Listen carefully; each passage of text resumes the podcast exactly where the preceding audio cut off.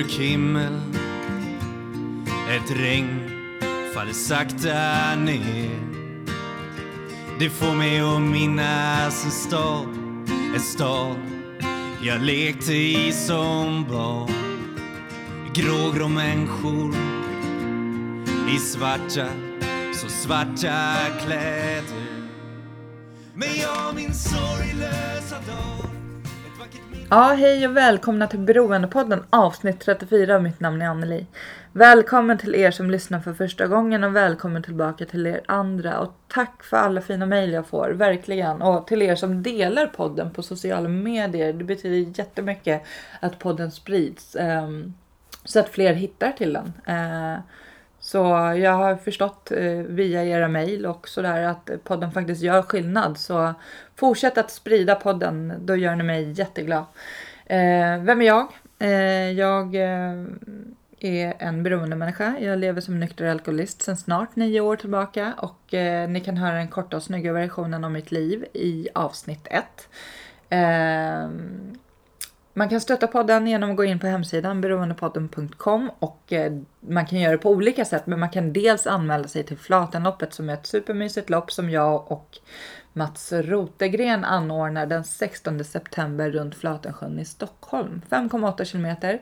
Eh, man behöver absolut inte kunna springa, man kan gå runt och känner man inte ens för att gå så kan man komma och vara funktionär. Så kika in på hemsidan. Där finns det också en flik som heter Hjälp att få med lite länkar till olika ställen man kan vända sig om man har problem med olika beroende eller medberoende eller något annat. Gå in och kika.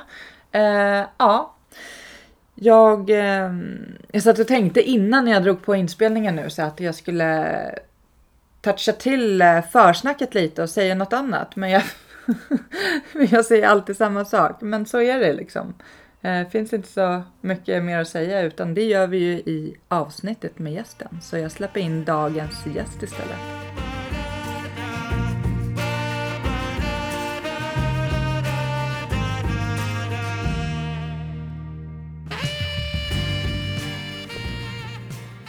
Ja, eh, hej och välkommen hit Sanna Tervonen.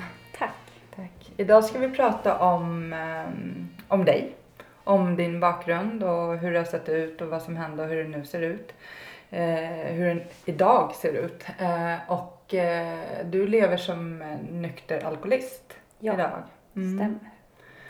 Och ja, du får gärna berätta hur, vart kommer du ifrån? Vart växte du upp? Och... Var kommer jag ifrån? Jag kommer från, född i Luleå, Mm. uppe i norr. Eh, har bott halva mitt liv i Kalix. Eh, när jag var 20 flyttade jag till Stockholm. Mm. Eh, så det är väl egentligen här jag känner att jag har levt mitt vuxna liv liksom. Det har varit barndomen och skolan i norr. Ja. Flyttade du hit själv eller med familjen? Eller? Jag flyttade själv för kärleken. Jaså? Ja. Ja, hittade det här i Stockholm. Eh, ja, Mm. vi träffades väl på en festival. Eh, och sen så åkte jag hem och packade mina saker. Så flyttade jag. Mm. Mm. Ja, höll i fyra år. Ja, det. men eh, när, eh, hur har det sett ut? I, när började du dricka? Vad var det som hände? Hur såg det ut från början? Eh, min allra första fylla hade jag när jag var 12 år. Mm. Eh, då hade jag och mina kompisar fått tag på hembränt. Mm. Eh, flödar där uppe i norr då i alla fall. Eh, ja, eh, jag blev jättefull och vi hade jättekul. Och så gick vi på fest i någon tvättstugelokal som någon hade fått hyra där eftersom vi inte fick vara hemma. Eh, och ja, nu i efterhand ser jag ju att det var ju där det började. Jag Mm. älskade det direkt. Eh, sen var det väl fester på helgerna liksom. Eh, ja, man fick, fick ta det man fick tag på liksom. Eh, folköl och någon kunde köpa ut ibland och någon gång var det något hembränt. Eh, ja, men helgerna liksom. Mm. Höll mig till likasinnade. Mm. Och det fanns det ju. Ehm, Men det har ju all, aldrig funnits någon kontroll. Liksom. Eh, Jag har druckit tills jag har stupat. Från första gången liksom? Ja. ja. Mm. Kanske det har gått lite bättre någon enstaka gång. Mm. Man har lyckats inte göra bort sig eller så att man lyckades ta sig hem. Eh, Men helt okontrollerat. Bara på helgerna. När jag flyttade till Stockholm så... Det var nog där det började spåra ur på riktigt. Eh, Nio år sedan nu. Mm. Eh, ja, bodde, levde ihop med en kille som drack mycket på vardagarna. Eh, så jag bara hakade på det. Det var trevligt att sitta hemma i soffan och dricka, dricka starköl efter, efter maten, efter jobbet. Varva Mm. ner lite. Mm. Och så fest på helgen. Då det blev lite extra då. Ja, så så såg det ut. Eh, lite små pauser emellanåt men ja, har hållit mig till likasinnade liksom. Så det här har varit helt, Nu eh, blir det normalt. helt, ja det Mm. var, var normen liksom. Mm. Mm. Eh, så där utvecklades väl mitt beroende då. Jag märkte ingenting. Mm, Att jag hade behov av det här liksom. Men du funderade inte när du liksom drack på vardagar att så här, är det här... Utan Nej. det var bara... Nej, ja. jag tyckte att det var jättetrevligt. Jag bara, men gud dricker du starköl på vardagarna? Det är skitsmart. Det är jättegott. Ja. Det är jättetrevligt. Och det är jätteskönt att gå och lägga sig efter ett par starköl. Mm. Nej, eh, tänkte inte alls så mycket på det. Och när man gör det med någon annan som gör det som världens naturligaste sak så Mm. nej, frågasatte det inte. Mm. Men eh, sen eskalerar det mer? Eller? Ja, alltså det har väl gått i perioder. Eh, sen gjorde vi slut. Då blev det väl mindre på vardagarna. Mm. Eh, och mer till helgen och sådär. Eh, sen hamnade jag i lite depressioner och sådär och då, då började jag på vardagarna igen. Eh, och sen, ja ibland var det lite spelningar som vi gick på på vardagarna. Det, ja, man hittar anledningar Mm. att dricka på vardagar. Ja. Någon, ja, alltid något att fira liksom. Mm. Och när alla de här anledningarna tog slut och när folk inte orkade hålla mitt tempo längre så började jag dricka själv på vardagarna. Mm. Då satt jag på lokal, lokalhaket hos mig. Själv. Och då förstod du inte att det var något fel? Nej, jag satt där med, med stam, stam, stamgästerna, liksom, Mm. stam, stammisalkisarna. Eh, nej. Jo, ja, så jag vet väl att det var mycket liksom. Ehm, men det var ingen som sa att det var fel. Och det tänkte jag väl att det är väl någon som kommer påpeka det här om det ballar ur liksom. Mm. Eh, inte ett ord någonstans. Fortsatte sköta jobbet. Men sen började du komma full till jobbet. Ja. Eh, det blev ju så att jag gick ju direkt efter jobbet. Jag jobbade kontorstider. Så jag gick ju direkt efter jobbet på tom mage. Gick jag och satte mig på krogen. Klarade väl en tre, fyra stora stark max. Eh, sen kommer jag inte riktigt ihåg hur jag går hem. De flesta av dagarna i veckan. Ja, vakna full. Mm. Duscha, sminka, klä på sig, gå till jobbet. Börjar väl pigna till där framåt lunch. Äta lunch, jobba klart, sen börjar om. Mm. Ja.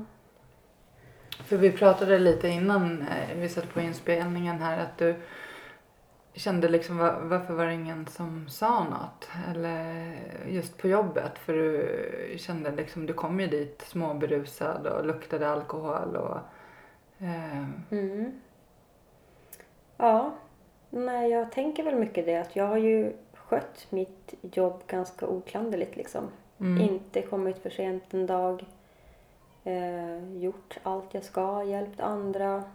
Ehm, ja, det har inte funnits så mycket att klaga på egentligen.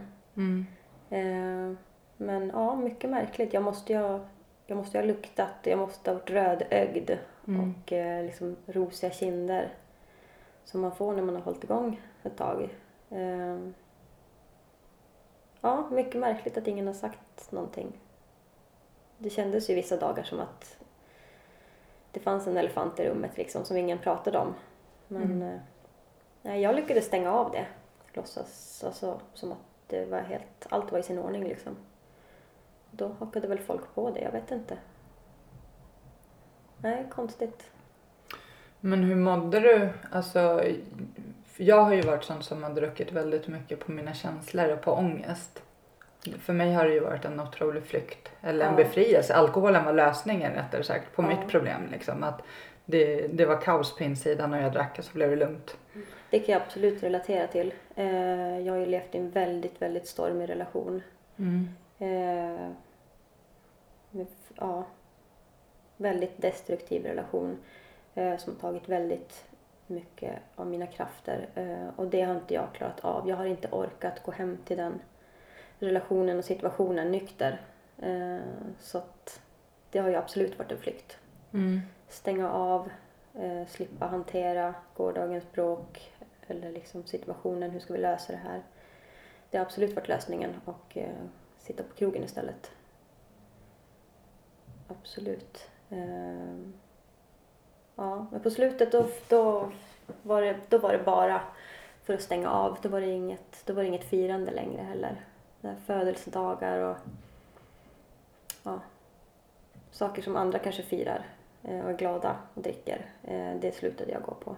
Mm. Eh, Det var inte mitt intresse. Jag ville dricka i fred.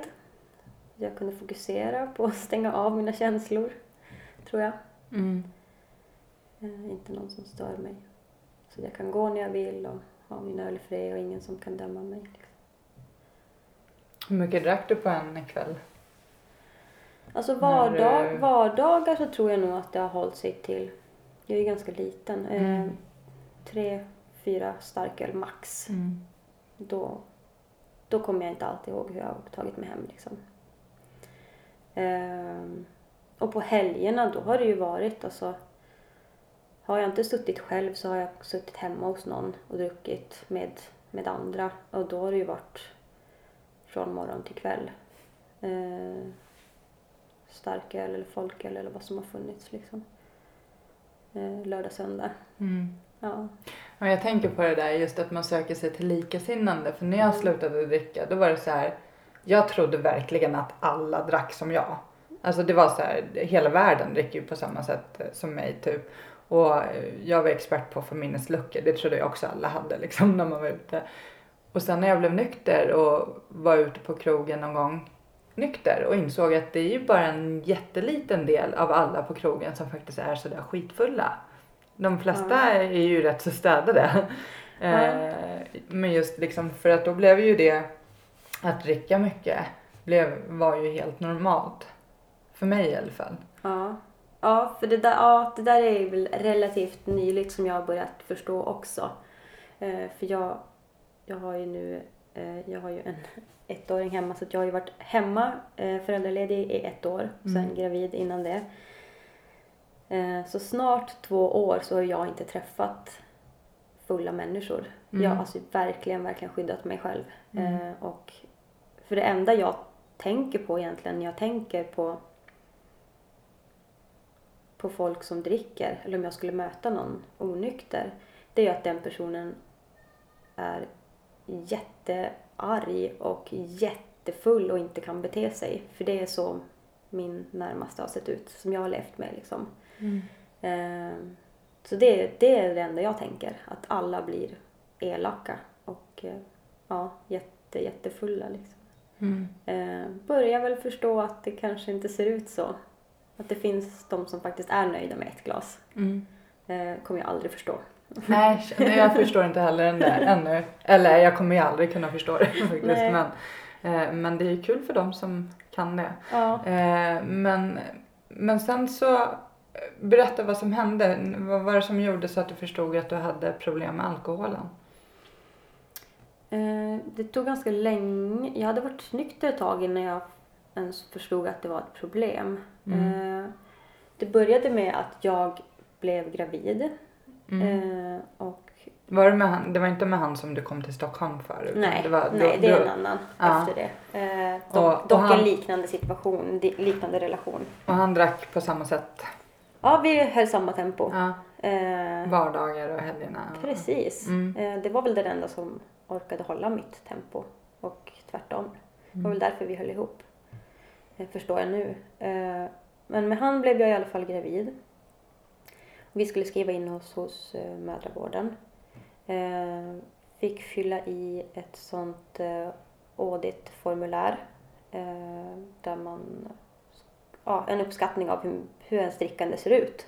Mm. Eh, hur många glas, hur många enheter per dag eller i veckan. Ja. Fyller man i sånt? Mm. Mhm. Det var länge Det sedan får alla göra.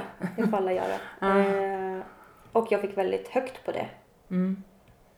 Eh, så hon, rekomm- barnmorskan rekommenderade mig ganska omgående att ta kontakt med en specialistmödravård eh, som var kombinerad med, med beroendevård, säger man. Vad tänkte du då när hon sa så? Att hon var dum i huvudet. Mm. Eh, och att jag kan gärna fylla i det här pappret en gång till. Mm. Eh, Då hade jag alltså inte svarat helt ärligt på det här i alla fall. Hade- Jag hade redan dragit ner lite grann på svaren Mm. eftersom jag ändå misstänkte att det var lite mycket. Eh, Men jag fick jättehögt i alla fall. Eh, Jag fick 27 poäng. Jag kommer inte ihåg om max är 40 på det där. Jag fick 27 poäng och alla som har över 4 rekommenderar man specialistmödravård till. Mm. Ja, så jag blev ganska stött och ganska kränkt liksom. Eh, att vem är du att komma och säga vad jag har problem med? Mm. Samtidigt som jag blev orolig liksom. Att få, får jag skaffa barn nu eller vad, vad händer nu? Eh, jag tackade nej till det erbjudandet. Mm. Eh, men det slutade med att de ringde mig i alla fall från den här specialistmödravården. Eh, ja, de ville presentera vad de hade för, hur deras mödravård såg ut i alla fall. Eh, jag tror att det tog tre månader innan jag gick dit. Då, var jag, då hade jag gått nästan halva graviditeten. Hade du klarat av att inte dricka under den perioden? Jag var nykter då. Mm. Ja, jag hade det jätte, jättejobbigt och nu ja, e- i efterhand så förstår jag att jag hade ju, jag hade ju fått postakut abstinens också. Eh, mådde fruktansvärt dåligt. Eh, där någonstans så, ja, så tackade jag ja när de ringde i alla fall. Mm. Eh, från specialistmödravården. Eh, ja, sen började jag behandling. Jag gick till en kurator. Vi Mm. gjorde jättemycket övningar tillsammans. Eh, hon fick ju liksom börja med att jobba med eh, så att jag skulle förstå att jag hade ett problem. Mm. Så jag gick med på det här men jag förstod liksom inte egentligen vad det var. Ja, men hon började räkna upp olika symptom på postakut abstinens och jag kunde ju bocka av alla. Jag mådde ju fruktansvärt dåligt. Vad kan det vara till exempel? Eh, Jag fick eh, yrsel, eh, koncentrationssvårigheter. Jag började tappa saker. Det, blev, ja, det hände något med motoriken. Jag kunde gå in i dörrkarmar och ja, bara tappa saker som jag höll i. Och, Mm. eh, jag blev klumpig liksom, fruktansvärt stressad. Ja, trodde väl lite att jag höll på att bli galen. Mm. Det var ju därför jag liksom sa ja till det här. Att jag måste ha hjälp, något händer. Ehm, det kan komma så när man har varit nykter några månader eller, eller år. Ehm, ja, så vi började jobba i alla fall och prata om vad det är som har hänt och hon förklarar för mig hur... Eftersom det här var det normala för mig eh, och det var så alla runt omkring mig betedde sig också så förstod ju inte jag att det var något avvikande liksom. Eh, Så det fick hon mig att förstå, min kurator. Ehm. Ja, Hur går behandlingen till då? Alltså att... där går man i samtal. Jag gick en gång i veckan, hela graviditeten. Mm. Och sen fick jag lämna blod för att säkerställa att jag var nykter liksom. Inte hade druckit. Eh, och sen får man gå på extra kontroller hos, eh, hos barnmorskan. Eh, för att kolla att allt är okej. Eftersom det är en fruktansvärd stress också för kroppen. Eh, det man gör liksom. Det är en sån omställning. Mm. Eh, så det och sen finns det lite eh, grupp, eh, vad säger man, gruppbehandling. Eh, jag har gått återfallsprevention till exempel. Eh, några månader eh, som innebär verktyg för framtiden. Och stoppa eller förhindra ett återfall. Mm. Så det är väl det kort som det innebär. Var du under graviditeten, var du sugen på att dricka? Eller kände, för, för mig försvann mitt sug under, jag tror att det Ja, jag tror att det kom och gick faktiskt. Mm. Ja, jag saknade det mycket eftersom jag blev ju väldigt jag blev ju väldigt ensam. Jag var ju tvungen att stänga in mig totalt. För jag vågade ju inte gå ut eh, och riskera att hamna liksom, i situationer där det fanns alkohol. Eh, för jag visste inte hur jag skulle hantera det. mm. Eh, så jag mådde väldigt dåligt psykiskt. Men ja, sug. Ja, det kom och gick tror jag. I början var det jobbigt och då övervägde jag abort. För att istället gå ner på krogen liksom. Eh, Så, så starkt var det.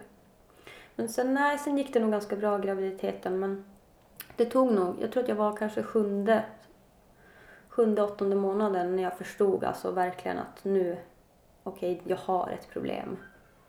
Då hade jag alltså gått behandling hela den här tiden också. Mm. Fast jag inte riktigt fattade varför. Mm. Ja.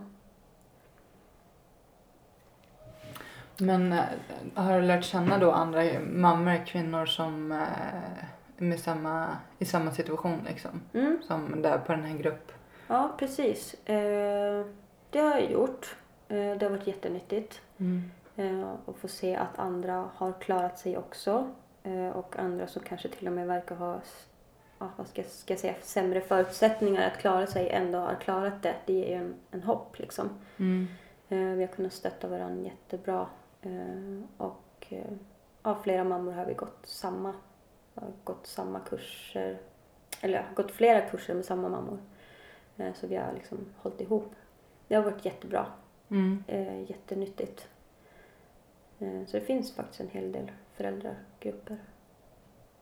För beroende också. Det är olika typer av beroende. Mm. Inte bara alkohol. Jag tror att det är jätteviktigt att man träffar folk med samma, alltså som, som har samma problematik så att man kan känna igen sig och ja. Ja, ja, men det var faktiskt jätteviktigt att jag fick känna att jag inte var ensam om det här. Mm. Det är inte bara jag som har ställt till det så att säga. Mm. Eh, och det finns andra som kämpar också. Vad har hänt med relationen med eh, barnets far? Är ni fortfarande tillsammans eller? Eh, vi gled isär mer och mer naturligt eh, när jag blev nykter. Mm. och han ja, in, inte blev det. Han, han fortsatte Mm. innan. Han blev ju erbjuden hjälp också via min mödravård. Mm. Eh, men var inte riktigt där så att han kunde, kunde ta det. Eh, så att jag är ensamstående idag. Mm. Får vi se vad framtiden har med sig. Mm. Eh, men nej, vi är inget par. Finns det Finns det med i, har, har ni det i släkten, alltså beroendeproblematik eller är det? Ja, jag har eh, beroende på både min mamma och min pappas sida. Mm. Eh, ja, jag skulle väl kanske kunna säga att om inte, den som inte har det har tendenser. Mm. Eh, det kan jag absolut säga. Eh, och det här är ju också någonting som vi har pratat om. Min mamma har alltid varit väldigt öppen med vad ja, diverse släktingar har gjort och varför de inte kan dyka upp. Och så hon har förklarat för mig eh, på ett schysst sätt liksom, ända sedan jag var liten. Hur det, hur det har sett ut. Eh, och min pappa har alltid varit på mig och sagt eh, tänk på hur du dricker. Tänk på hur du dricker. Tänk på att vi har i släkten. Mm. Nu förstår jag vad han menar. Mm. Mm. Jag fattade ingenting av det där innan. Vad är det jag ska akta mig för? Mm. ja. ja, det finns. Absolut. Det ska man inte underskatta, generna. Nej. Nej, och sen ofta kan det ju vara så att det, alltså man kan ju själv få problem med alkoholen och så ser man inte att, alltså finns det inte släkten eller familjen men det kan ju vara så att man kanske har en mamma som är sockerberoende och en pappa som har ett annat beroende så att man inte kopplar ihop det direkt. Precis. Där att det, det måste inte vara två föräldrar som dricker utan man kan ju ha beteendet och beroendet men använda sig av något annat liksom. Precis. Så, men eh, hur mår du idag då? Idag mår jag bättre än någonsin. Mm. Eh, har om två månader har jag varit nykter i två år.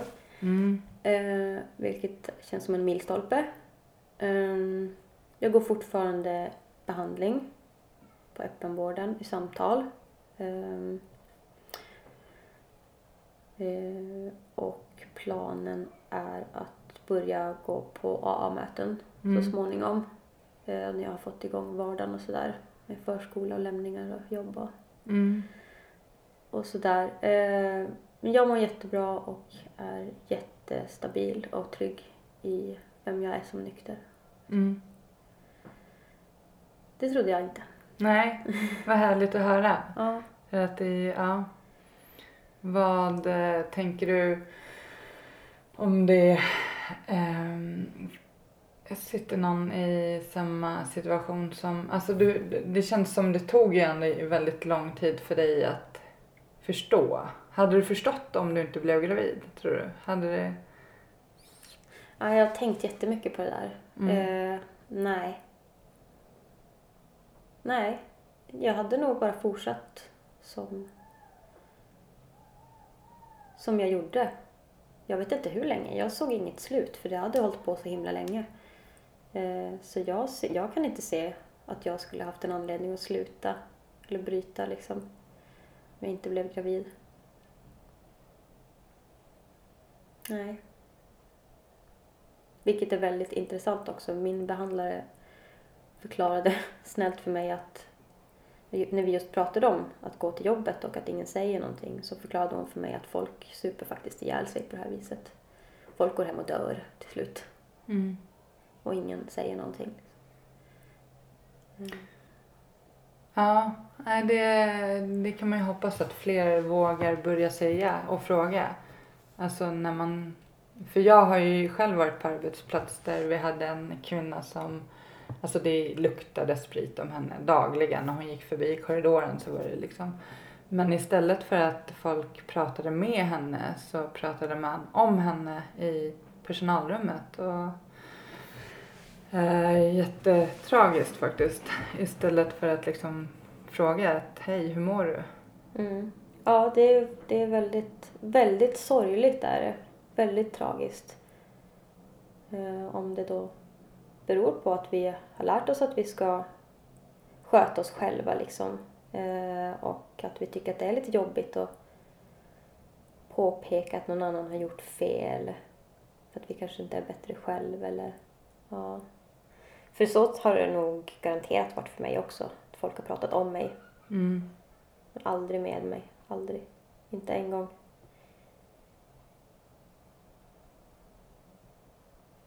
Ja. Ja, men som jag sa innan, eh, innan inspelningen här, att jag kom ju och luktade sprit på mitt jobb vid något tillfälle. Men jag är ju gammal så här, fotbollstjej som sprang på fotboll så jag kunde ju alltid säga så här, men det var ju match igår. Och då var det typ helt okej att man kom och luktade sprit på jobbet om man hade varit på fotboll dagen innan. Mm. Det är också lite lustigt. Mm. För att under viss eh, under fotbollssäsongen så är det ju väldigt mycket matcher så då har man ju väldigt mycket orsaker eller anledningar att dricka. Mm. Jag kan säga att mitt fotbollsintresse försvann typ när jag blev nykter. det var liksom den, det som drog mig till fotbollen. Ja. Där, gått på varenda match sedan jag var typ tonåring och sen när jag Mm. slutade dricka så bara jaha fotboll, nej men det var ju inte så kul. ja. Nej men alltså man blir, man blir också väldigt kreativ och väldigt påhittig som beroende måste jag säga. Mm. Eh, alltså du kan ju hitta på hur många fester och kalas i veckan som helst. Mm. Så du kommer ju alltid på någonting att säga till den som undrar. eventuellt undrar varför du luktar eller varför du, Mm. Eh, varför du kommer bakis till jobbet eller... Mm. Eller så hittar man sitt intresse. Mm. Ja. Jag tycker det är kul eh, att eh, träffa dig. De flesta som har varit med i podden har ju ett tolvstegsprogram i ryggen. Det är ju där de har blivit nyktra eller drogfria. Du har ju inte kommit dit än, men du har Nej. väl tänkt gå sen. Men, eh, så det är kul att veta alltså att det finns olika sätt att gå liksom. Att hitta sin nykterhet. Och just det här att du säger att du mår bra idag. För att det, när jag pratar om beroende så pratar jag mycket om hur man mår på insidan. Ett, vad som händer när man tar sin drog. Det är ju att man inte kan sluta. Alltså att det liksom i mitt fall så drack jag ju tills, gärna tills jag somnade så. Eh, och jag drack definitivt tills alkoholen var slut. Att hade jag två flaskor vin hemma då drack jag ju upp dem. Det var inte så här, även om jag tänkte först att okej jag ska bara dricka två glas. Så var ändå de där två flaskorna slut på morgonen. Hur jag än försökte. Mm. Och sen eh, två liksom att varför dricker man? Vad, vad är det som man vill eh, slippa känna eller jag pratar mycket om mitt själsliga hålrum som jag har haft. Jag vet inte om du känner igen dig i det. Att för mig har det känts som jag har haft ett hål i själen som jag typ har fyllt med alkohol. Mm, det kan jag nog inte känna att jag har behövt fylla någonting. Däremot så har jag haft eh, enormt mycket ångest och skamkänslor eh, som jag har behövt dämpa och döva och stänga ner liksom. Mm. Så det är väl på, på det sättet jag har druckit. Eh, och det är ju det är väl samma som att försöka fylla ett hål som är liksom utan slut. Du får ju ångest av att dricka och sen försöker du dricka bort din ångest. Liksom. Mm. Eh, funkar inte. Nej, det blir, det blir bara ett snurr på den där. Men när, har du alltid haft ångest? Alltså är det något som du har haft tidigt eller kom det med alkoholen? Det vet jag faktiskt inte. Eh, jag ser ju definitivt ett samband. Mm. Eh, eftersom det har blivit värre senaste åren. Eh, men jag, det, min ångest, jag fick panikångest i 15-årsåldern tror jag. Mm. Eh, av en händelse, eh, en sak som jag var med om. Men då drack jag ju redan också. Så jag tror, jag tror att jag har varit väldigt känslig. Att jag har fått väldigt mycket ångest. Alltså att den har hållit i sig länge efter att jag har druckit. Så Mm. det har tagit länge liksom att, att repa sig. Eh, så jag vet inte hur mycket det hänger ihop. Eh, nu har jag inte haft ångest en enda gång sedan jag blev mamma. Eh, vilket jag inte har upplevt då sen, ja, sen det började. Sen min ångest började och sen mitt drickande började.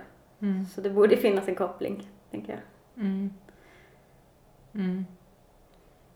Ja. Gud vad härligt att höra att du inte har någon ångest alls. Nej, nej. Jag väntar väl lite på det. Så inte ropa Den- hej men... Nej men den behöver absolut inte komma. Om du tar hand om dig själv så kommer den förhoppningsvis inte. Nej, Och jag hoppas väl det. inte tar upp första glaset. Nej, precis. Nej, det försöker jag ju förebygga. Men vad har, man fått, vad har du fått för verktyg? Har du några så här konkreta liksom? Mm. Alltså, jag fick ju lära mig väldigt mycket på den här återfallspreventionskursen jag gick. Eh, konkret därifrån, alltså jag har fått lära mig att hantera sug. Mm. Eh, på olika, det finns olika metoder. Eh, jag har fått eh, eh, lära mig hur jag ska säga nej, på vilket sätt jag ska säga nej ifall någon erbjuder mig. Mm. Eh, jag ska vara rak och tydlig, se personen i ögonen, inte tveka på mitt svar. Eh, för då kommer inte kanske mottagaren av svaret att tveka heller. Utan då förstår de att det är allvar liksom. Eh, Sådana saker. Byta samtalsämne, föreslå andra aktiviteter och ja, men skydda sig själv också tills det känns eh, som att man vågar ge sig ut i sådana miljöer, eh, situ- situationer. Eh, men annars, vad har jag mer? Eh, stoppkort verkar vara vanligt. Ett kort med fram och baksida där jag på ena sidan har skrivit fördelen med att ha varit nykter länge och på andra sidan står det nackdelen med att ha använt länge eller druckit länge. Mm. Det är liksom toppen och botten. Eh, det är då kortet jag ska plocka upp eh, och som jag måste läsa innan jag tar mitt, min öl eller mitt glas eller går ner på krogen eh, innan ett återfall. Sen har jag också fått verktyg för hur jag ska bryta ett återfall.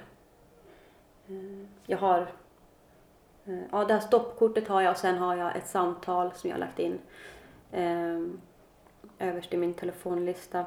Eh, en, min, jag, ska, jag ska ringa till min bästa vän eh, och stämma av med henne först också. Mm. Innan jag går ner på krogen.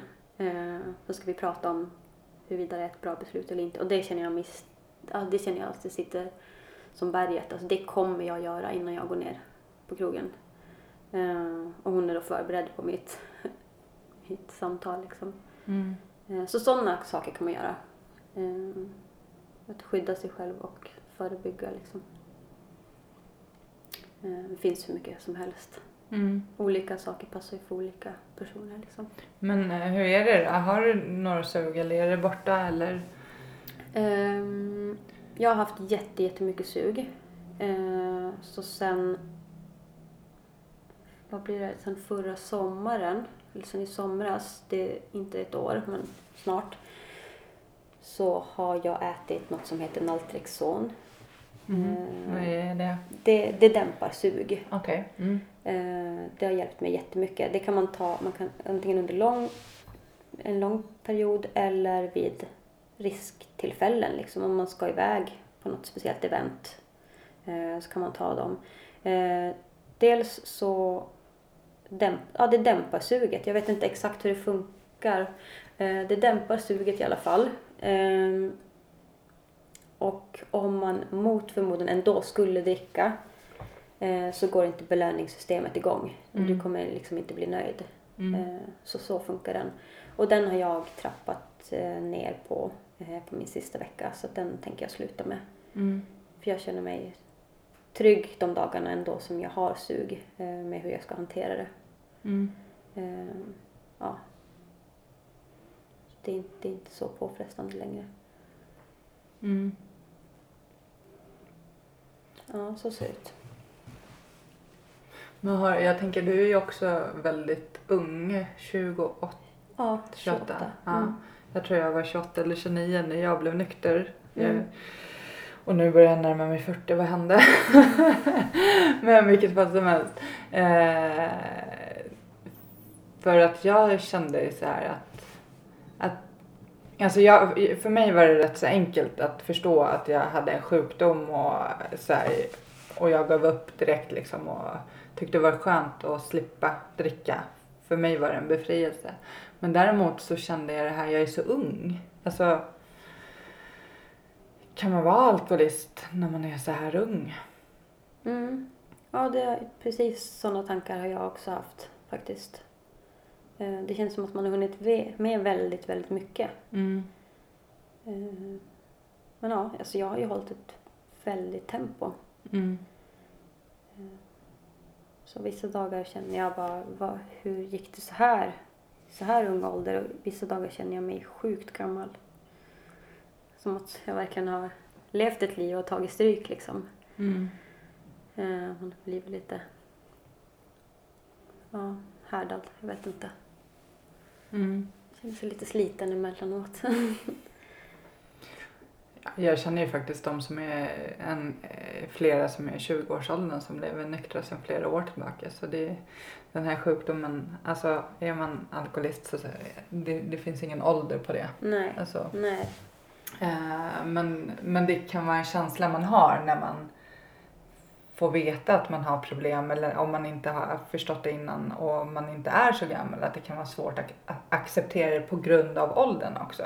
Att det kanske är så enklare att hade jag varit 55 så hade man ju så här, men är man 28 så eh, ja, nej nu snackar jag bara på lite men ehm, Det tänker jag nog mer att, eh, att andra ska tänka om mig.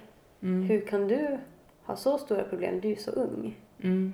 Det är absolut ingenting som jag har hört men det är sånt som jag Mm. ändå föreställer mig att, eh, att folk kan tänka. Jag vet Mm. inte om det är så. Mm.